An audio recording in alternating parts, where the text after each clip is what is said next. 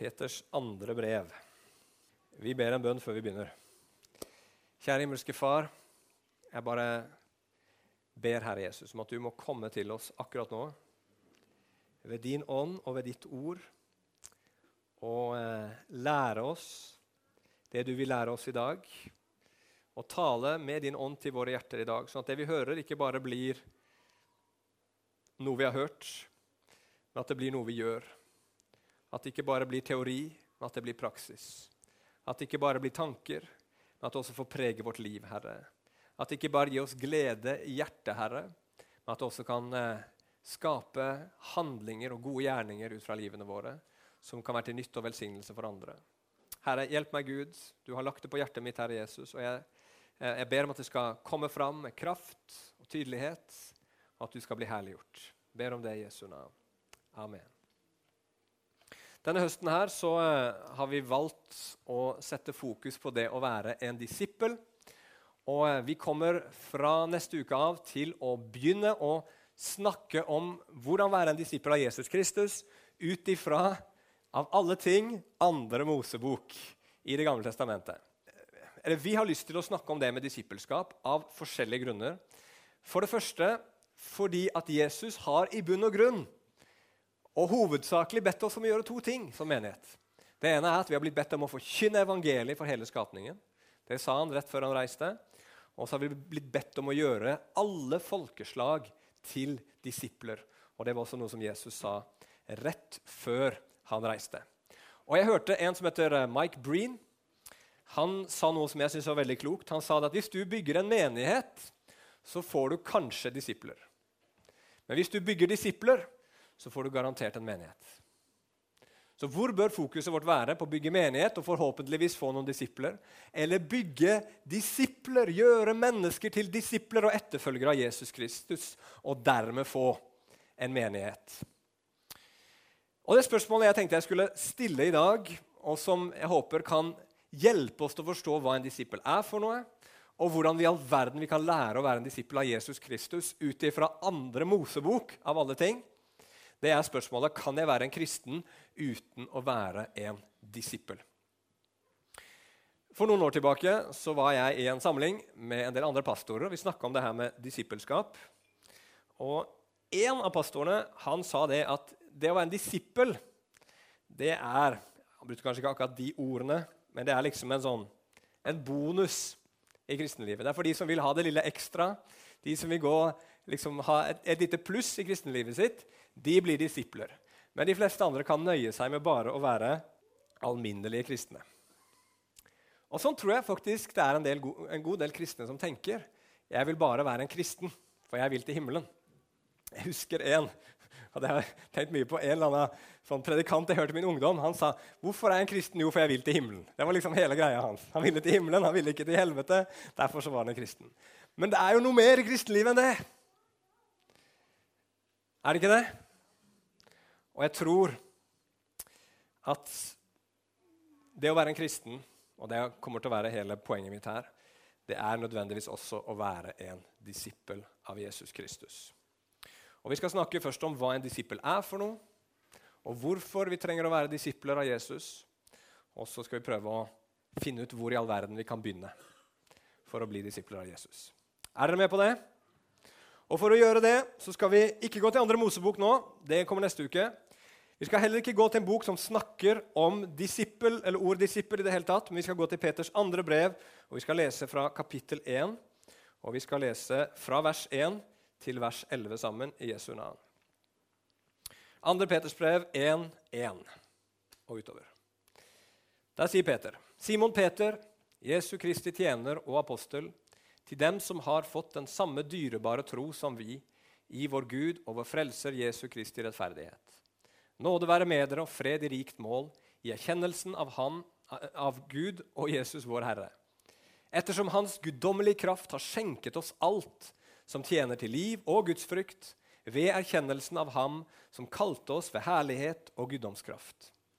Ved dette er vi blitt skjenket de største og mest dyrebare løfter, for at dere gjennom dem skulle få del i guddommelig natur etter å ha flyktet unna fordervelsen som tilhører lysten i denne verden. Men nettopp derfor skal dere, være, skal dere også med all iver la deres tro vise seg i et ærbart liv, og det ærbare liv i kunnskap. Kunnskapen i avhold, og avholdenheten i utholdenhet, og utholdenheten i gudsfrykt. Og gudsfrykten i broderomsorg, og broderomsorgen i kjærlighet. For om alt dette er rikelig hos dere og stadig flyter over, da skal dere verken være uvirksomme eller ufruktbare i erkjennelsen av vår Herre Jesus Kristus. For den som mangler disse ting, er så nærsynt at han er blind og har glemt renselsen fra sine tidligere synder. Derfor, søsken, skal dere være enda mer ivrige etter å gjøre deres kall og utvelgelse fast. For hvis dere gjør alt dette, skal dere aldri noensinne snuble. For slik skal det bli gitt dere inngang til vår Herre og Frelser Jesu Kristi evige rike. Amen. Ok. Dette her er noen veldig gode vers, men de er også dessverre veldig kompliserte. Hvis du leser dette her, så sitter du og klør deg litt i hodet. Hva er det egentlig han prøver å si? For det er lange setninger, og det er mange vanskelige ord. Og selv på originalspråket her så er dette her litt komplisert og litt vanskelig. Så jeg skal ikke prøve liksom å gå gjennom nå ord for ord her og prøve å legge alt sammen ut, men jeg har lyst til å prøve å destillere ut essensen i det som Peter sier her for noe. Og jeg tror at det som beskrives her, det har med disippelskap å gjøre.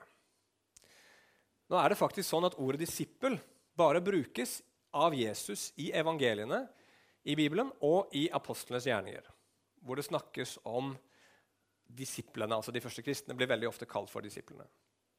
Og så finner du verken noe særlig før, og du finner det heller ikke etter.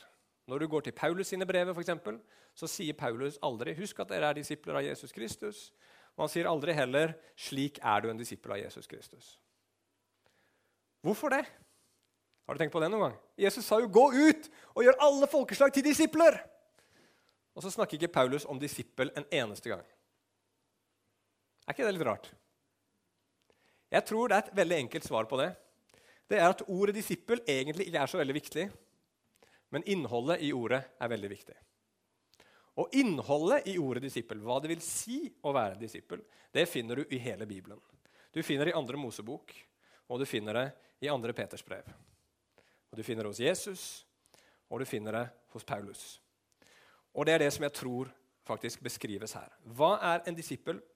Jo, for det første så er en disippel en som ved tro på Jesus har fått en ny livssituasjon. En helt ny livssituasjon.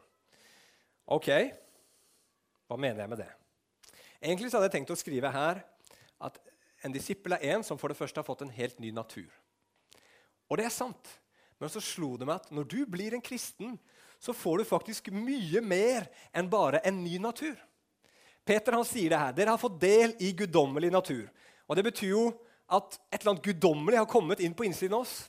Og hva i all verden er det? Jo, det er jo Den hellige ånd som har kommet inn i deg når du ble en kristen. Du har fått Den hellige ånd på innsiden, du har fått del i guddommelig natur. Men det å være en kristen det er enda mer enn at Den hellige ånd har kommet inn på innsiden og, og født deg på nytt. Bibelen kaller det å bli en ny skapning. Det vil si at alt er blitt nytt, står det i noen oversettelser. Ikke bare på innsiden, men tenk på det. da, Du har fått en ny far. En himmelsk far. Du har fått en ny herre, Jesus Kristus som din herre.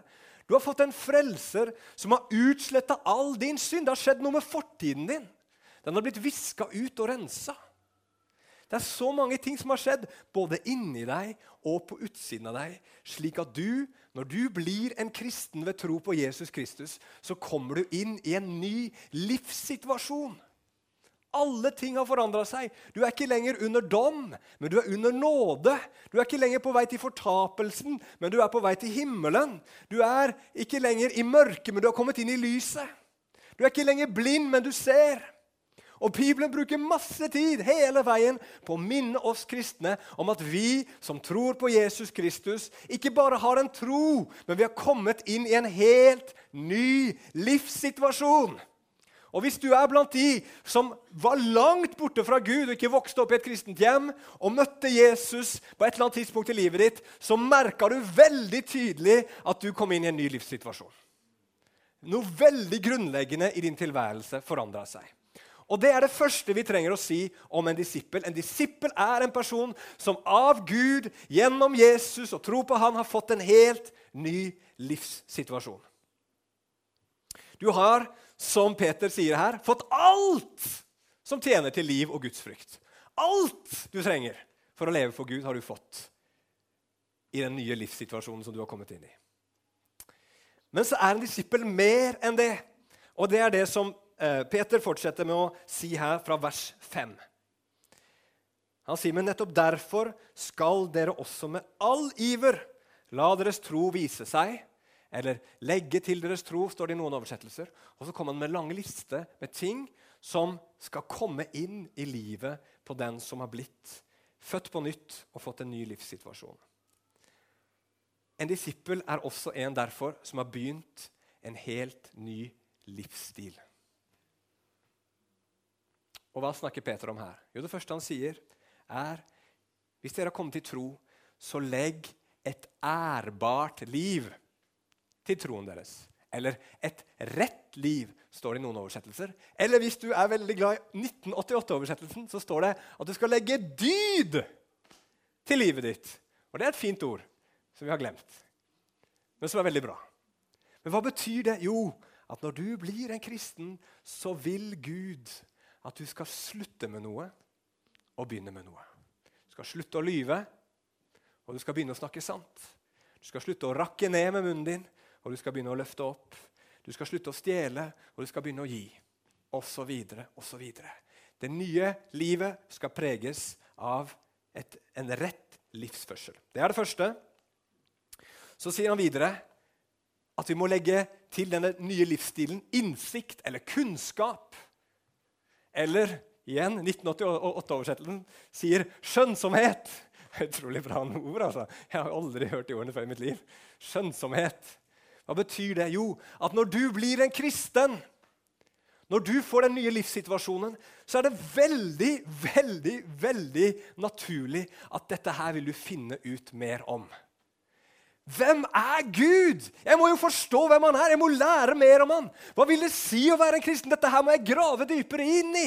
Hva er Bibelen? Hva skal jeg med denne boka her? Dette her må jeg finne ut av. Jeg må ha mer kunnskap. Jeg må forstå mer. Hjelp meg til å forstå. Det er naturlig. Hvis du har fått noe veldig, veldig bra, så må du finne ut av det. Hva er det jeg har fått? Hva er dette for noe? Og så sier han til den innsikten, eller den eh, Ja, så skal vi legge til selvbeherskelse. For du merker det, at når du blir en kristen, så er det et eller annet i deg som fortsatt er som det var før. Og Bibelen kaller det for kjøttet. Og kjøttet har lyst til mye rart. Kjøttet vil leve etter sine lyster. Kjøttet eksploderer fra tid til annen. Kjøttet kan bli skikkelig skikkelig vrien å ha med å gjøre. fra tid til annen. Og det vet alle som er gift, at man selv ikke har det problemet, men ektefellen har det problemet hele tiden.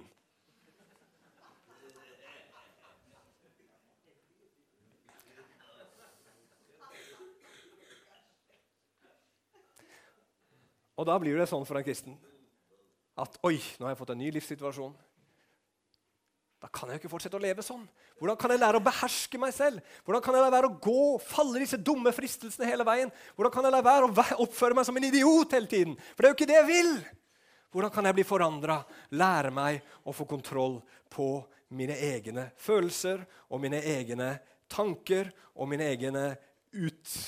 Ja, hvordan jeg reagerer. Mine egne reaksjoner. Og så sier han videre til den selvbeherskelsen så må det legges utholdenhet. Hvis du blir en kristen, så skjønner du at nå er du i trøbbel. For nå har du fått tre nye fiender. ikke sant? Djevelen, verden og kjøttet. Nå trenger jeg å holde ut, for her er jeg nå i en krig og i en kamp. Og det melder seg utfordringer som jeg aldri hadde før.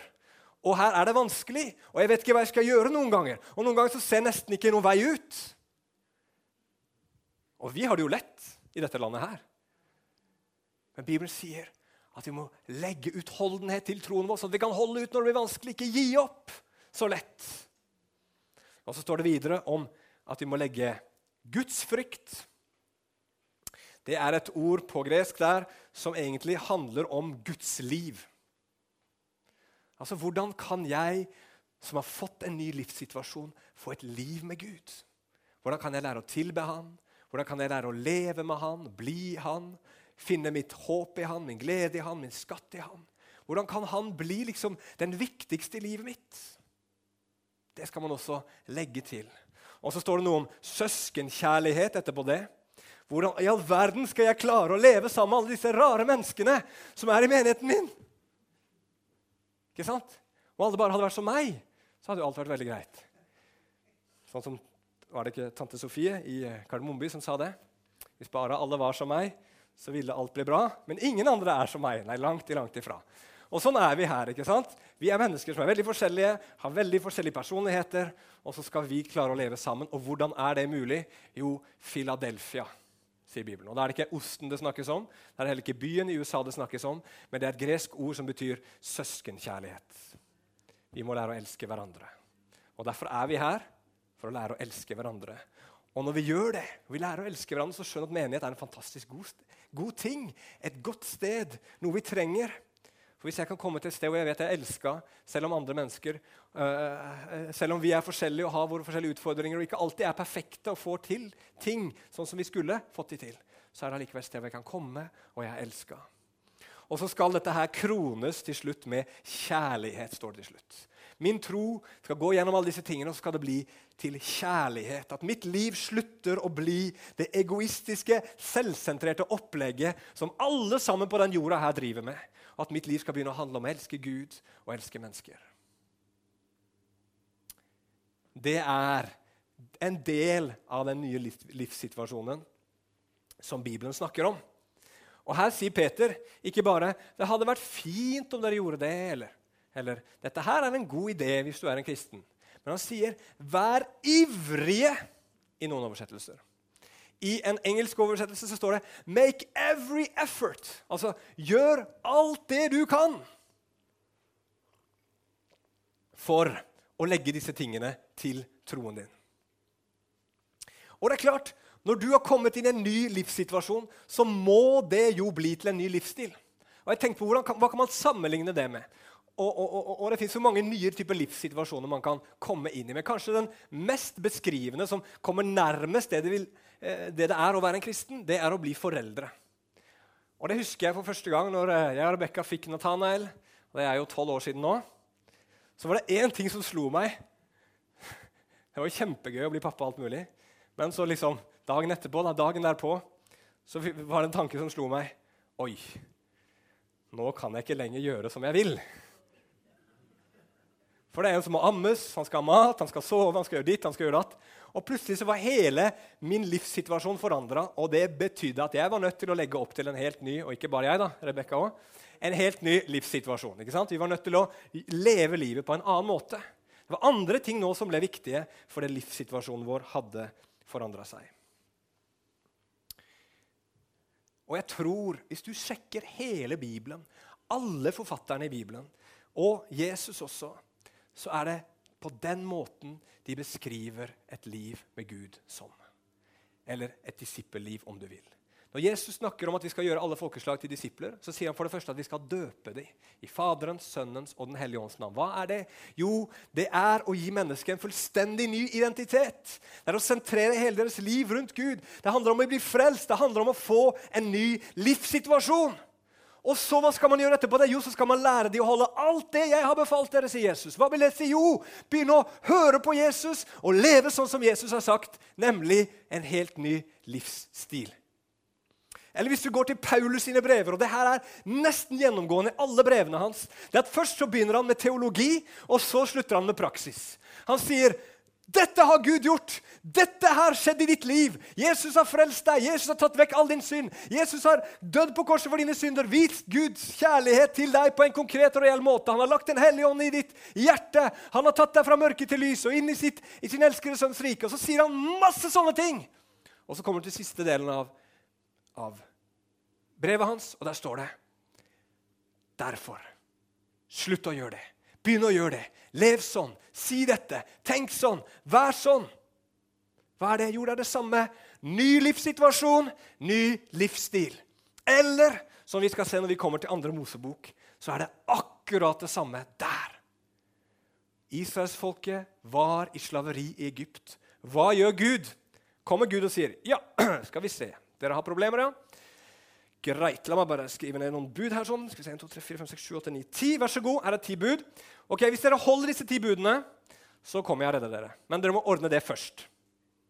Er det sånn det skjer i andre Mosebok? Nei, det skjer helt omvendt. Gud kommer først til sitt folk, redder dem ut. Tar dem ut av slaveriet, fører dem inn i en ny livssituasjon. Og Så gir han dem de ti bud og andre leveregler. Og så sier han dette her skal nå være deres nye livsstil. Er dere med? Hva er det å være en disippel? Jo, så enkelt tror jeg det er. En som gjennom tro på Jesus har fått en fullstendig ny livssituasjon og derfor begynner en helt ny livsstil. Ok, Men så kommer det store spørsmålet. da. Hvorfor skal jeg være en disippel? Altså, Det er fint med den nye livssituasjonen. Det liker jeg veldig godt. Men det høres så stress ut med den nye livsstilen. Kan jeg ikke bare få hvile i nåden?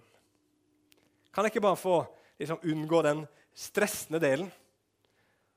Og liksom ikke trenge å forandre på så veldig mye i livet mitt. Og Da skal vi få litt hjelp av Peter. For Peter han kommer med en del løfter i den teksten vi leste, og så kommer han med et par advarsler også, som vi skal kikke på.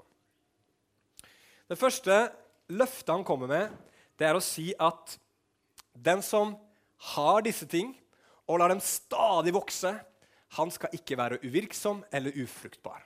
Det vil da si at det motsatte er sant. Hvis han ikke er uvirksom, ja, da er han uvirksom. Hvis han ikke er ufruktbar, ja, da er han fruktbar. Ønsker du at ditt liv skal bære frukt? Ønsker du at ditt liv skal bety en forskjell for andre mennesker og for Guds rike i verden? Ønsker du at andre mennesker skal bli kjent med Jesus? Ønsker du å være med og bygge Guds rike, bygge Guds menighet? Ja, da sier Peter, ja, men da må du gjøre disse tingene. Rett liv, innsikt, utholdenhet, avholdenhet. Guds liv. Søskenkjærlighet, kjærlighet. La disse tingene fylle livene deres.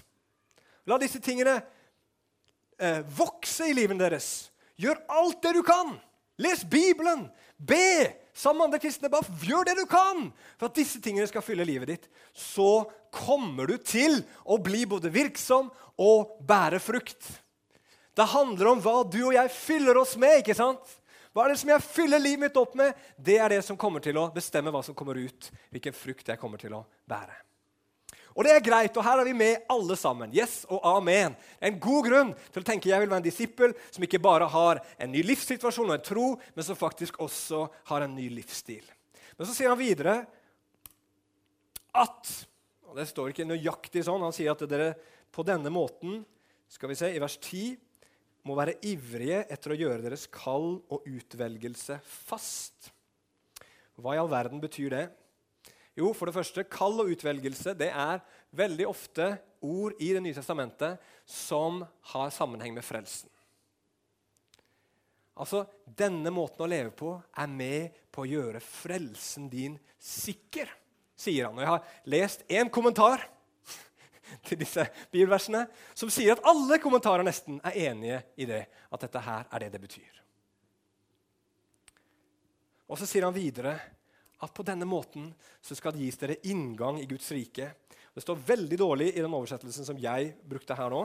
Men i de fleste andre oversettelser står det noe som at det skal få rikelig inngang. Det er det det står den, opp, i den opprinnelige teksten. At på den måten her skal det få rikelig inngang inn i Guds rike. Og da begynner vi å slite litt. Gjør vi ikke det? Altså, hvorfor være en disippel? Jo, for da gjør du frelsen din fast, og da får du rikelig inngang inn i Guds rike. Hmm. Men det blir verre. ikke det er fint?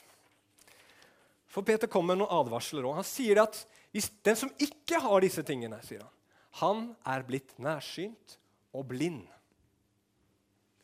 Er det bra i Bibelen å være blind? Nei. Hvem er det som er de blinde i Bibelen? Jo, fariseerne kaller Jesus for de blinde. Blinde som veileder blinde. Og han sier de var på vei til fortapelse.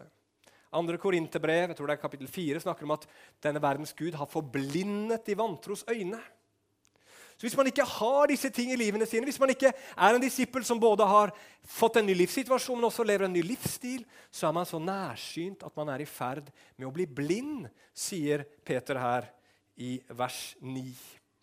Og så står det også implisitt en eh, advarsel hvor eh, Paulus sier, eller Peter, unnskyld, i vers 10 at hvis dere gjør alt dette, skal dere aldri noensinne snuble. Det vil si at Hvis man ikke gjør det, så står man i fare for å snuble, eller som noen oversettelser sier, falle. Hva er det snakk om her? Jo, igjen så har den ene kommentaren jeg har lest, sagt til meg at alle kommentarer stort sett er enige om at dette her betyr å falle fra. Hvis man ikke gjør disse tingene, så står man i fare for å falle ifra Gud. Og da må vi jo tenke oss litt om. Hva er det her? Er det sånn at det går an å bli mer frelst? At noen er litt frelst, men hvis du gjør det her, så er du litt mer frelst. Er det det det betyr? Nei. Er det da sånn at Bibelen forteller oss at du blir frelst gjennom tro og gjerninger? Nei, Paulus er nokså nøye på å si at nei, det er ikke av gjerninger for at ingen skal rose seg. Det er av tro. Så hvordan i all verden skal vi da forstå dette her? Hvor Peter sier at du må være en disippel fordi du bærer frukt, det er greit, men fordi at på den måten så vil din frelse bli fast. Inngangen til Guds rike vil være stor, og du unngår å bli nærsynt og blind og stå i fare for å falle. Når du leser Nytestamentet, så oppdager du at historien om israelsfolket som ble tatt ut av Egypt, er nevnt flere ganger. Gjentas flere ganger. Og Veldig ofte så er poenget det her. Gud frelste de først. Han kalte de til et nytt liv, men så gikk det galt. Det finner du i de fleste historiene. og Du finner det i 1. Korinterbrev 10, du finner det i Hebrebrevet 3 og 4. Og Hvorfor gikk det galt? Jo, I 1. Korinterbrev 10 så står det at det var pga. Av avgudsdyrkelse. Gud frelste de ut. Han tok de ut med en mektig hånd, og alt det skal vi høre om. ikke sant, Rødehavet og, eller Sivsjøen og alt det der greiene der. Fantastisk bra. Men allikevel så ble hjertene deres hengende fast ved andre guder som de tilba og levde for. Og I Hebrebrevet 3 og vers 4 så står det at vi må ikke være som Israelsfolk i ørkenen, som fikk et forherda hjerte. Så hva i all verden er det her snakk om? Jo, det handler om hjertet. Den store faren for israelsfolket i ørkenen og den store faren for oss når vi har blitt kristne, det er ikke ytre fiender, om det skulle være mennesker som forfølger oss. Det er ikke djevelen heller. Men den store faren i mitt liv er mitt eget hjerte. Når Gud har frelst meg, revet meg ut av synden, så er det alltid en fare for at mitt hjerte sakte, men sikkert umerkelig begynner å gli bort ifra Gud.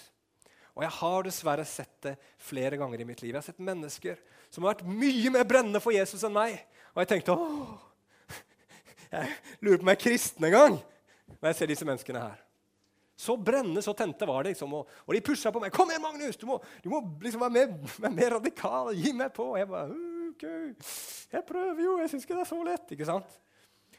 Og så går det noen år, og så er akkurat de samme ønskene langt, langt borte fra Gud.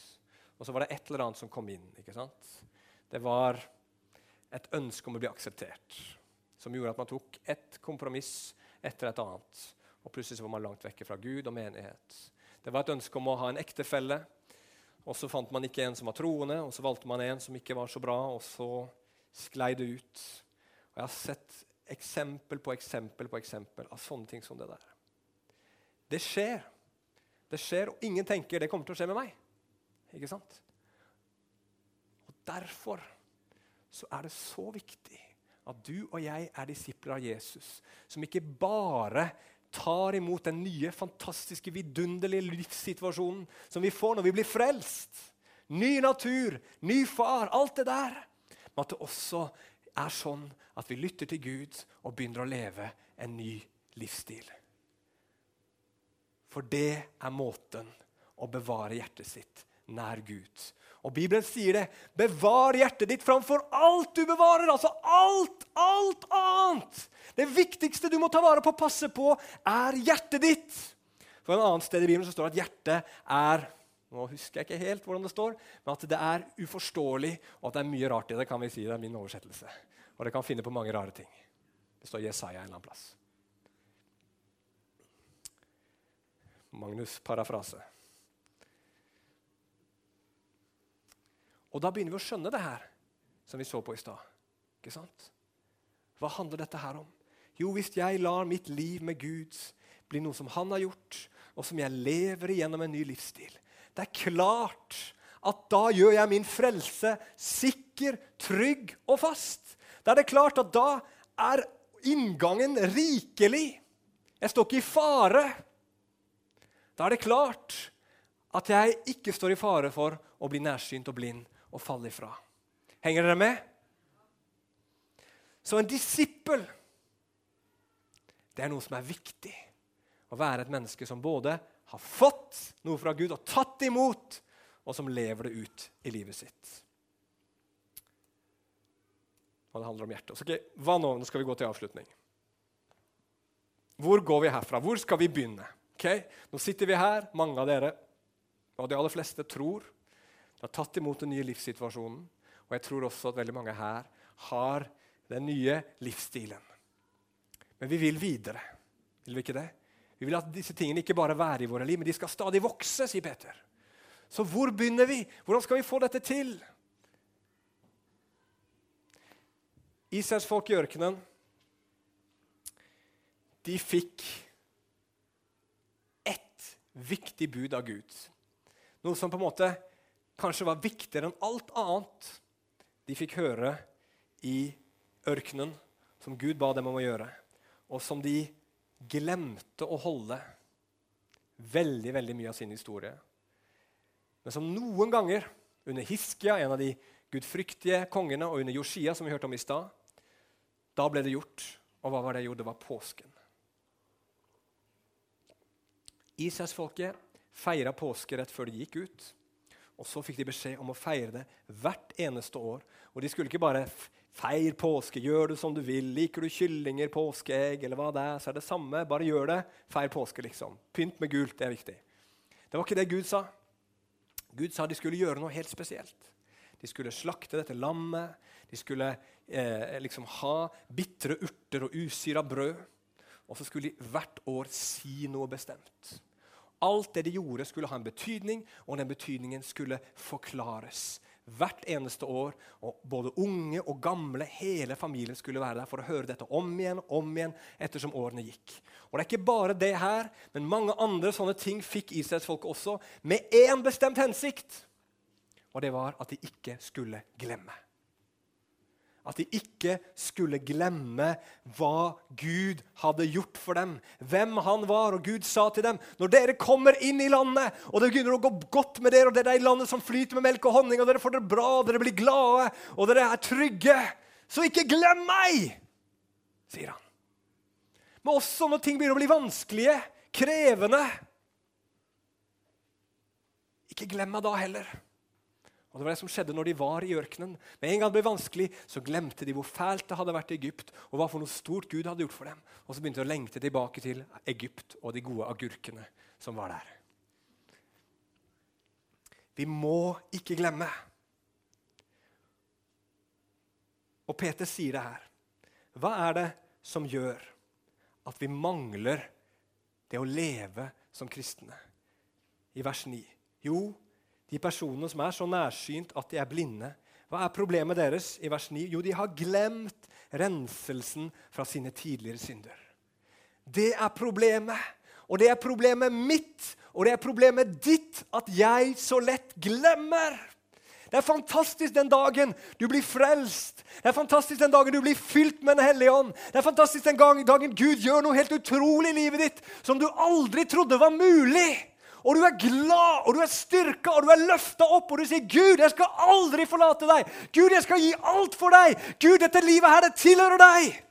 Og så går det en uke, og så går det en måned, og så går det et år, og så går det fem år. Og hva skjer? Jo, man begynner å glemme. Man glemmer først i følelseslivet sitt, og så etter hvert så glemmer man i tankene sine.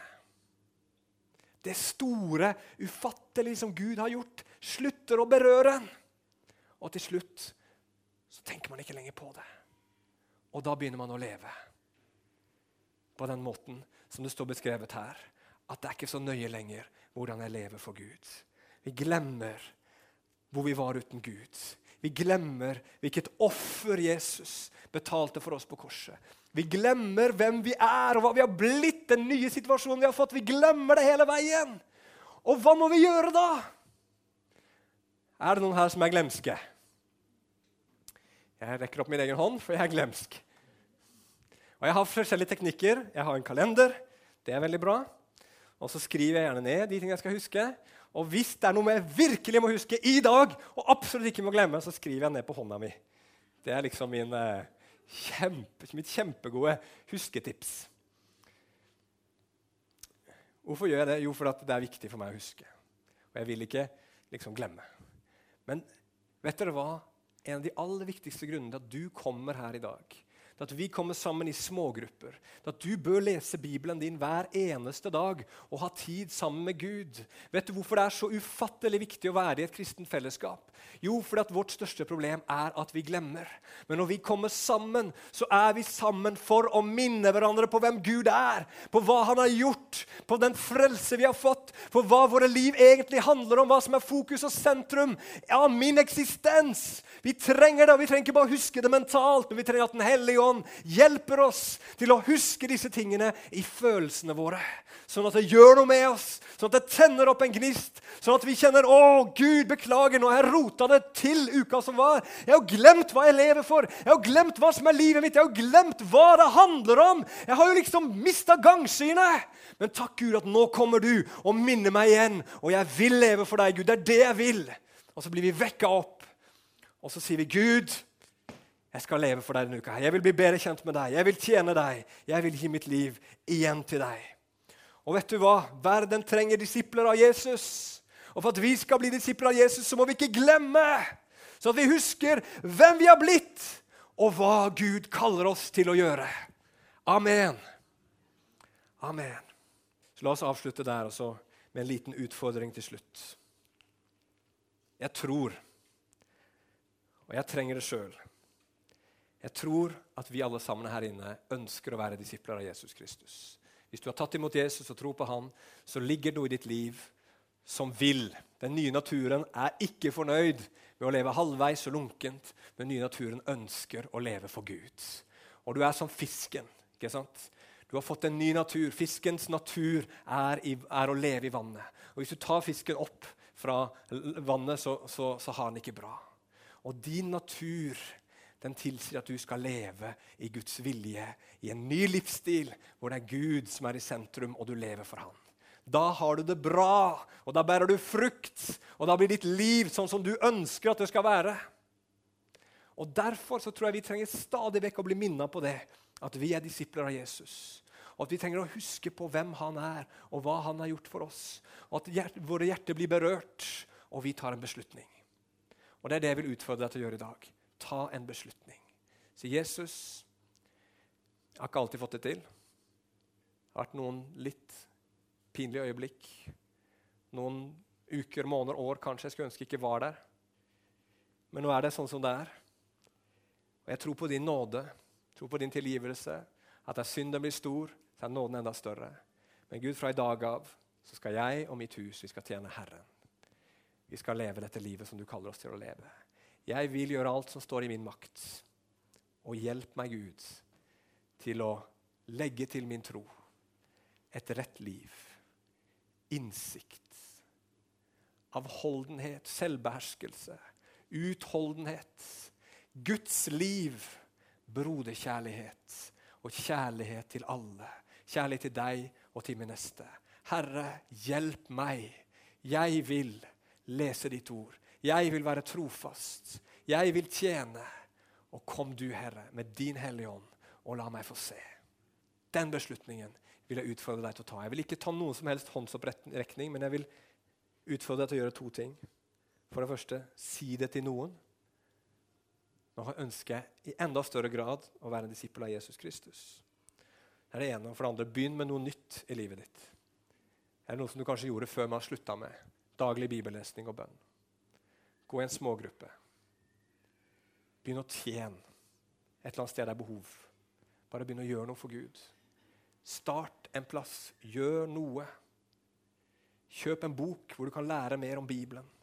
Begynn å høre på, på, på, på podkast eller et eller annet, noen som legger ut Bibelen på en god måte. Bare begynn å bygge deg opp. Ta en beslutning. Fyll deg. Og så går du med Gud i et nytt liv. Amen. La oss be. Kjære himmelske Far.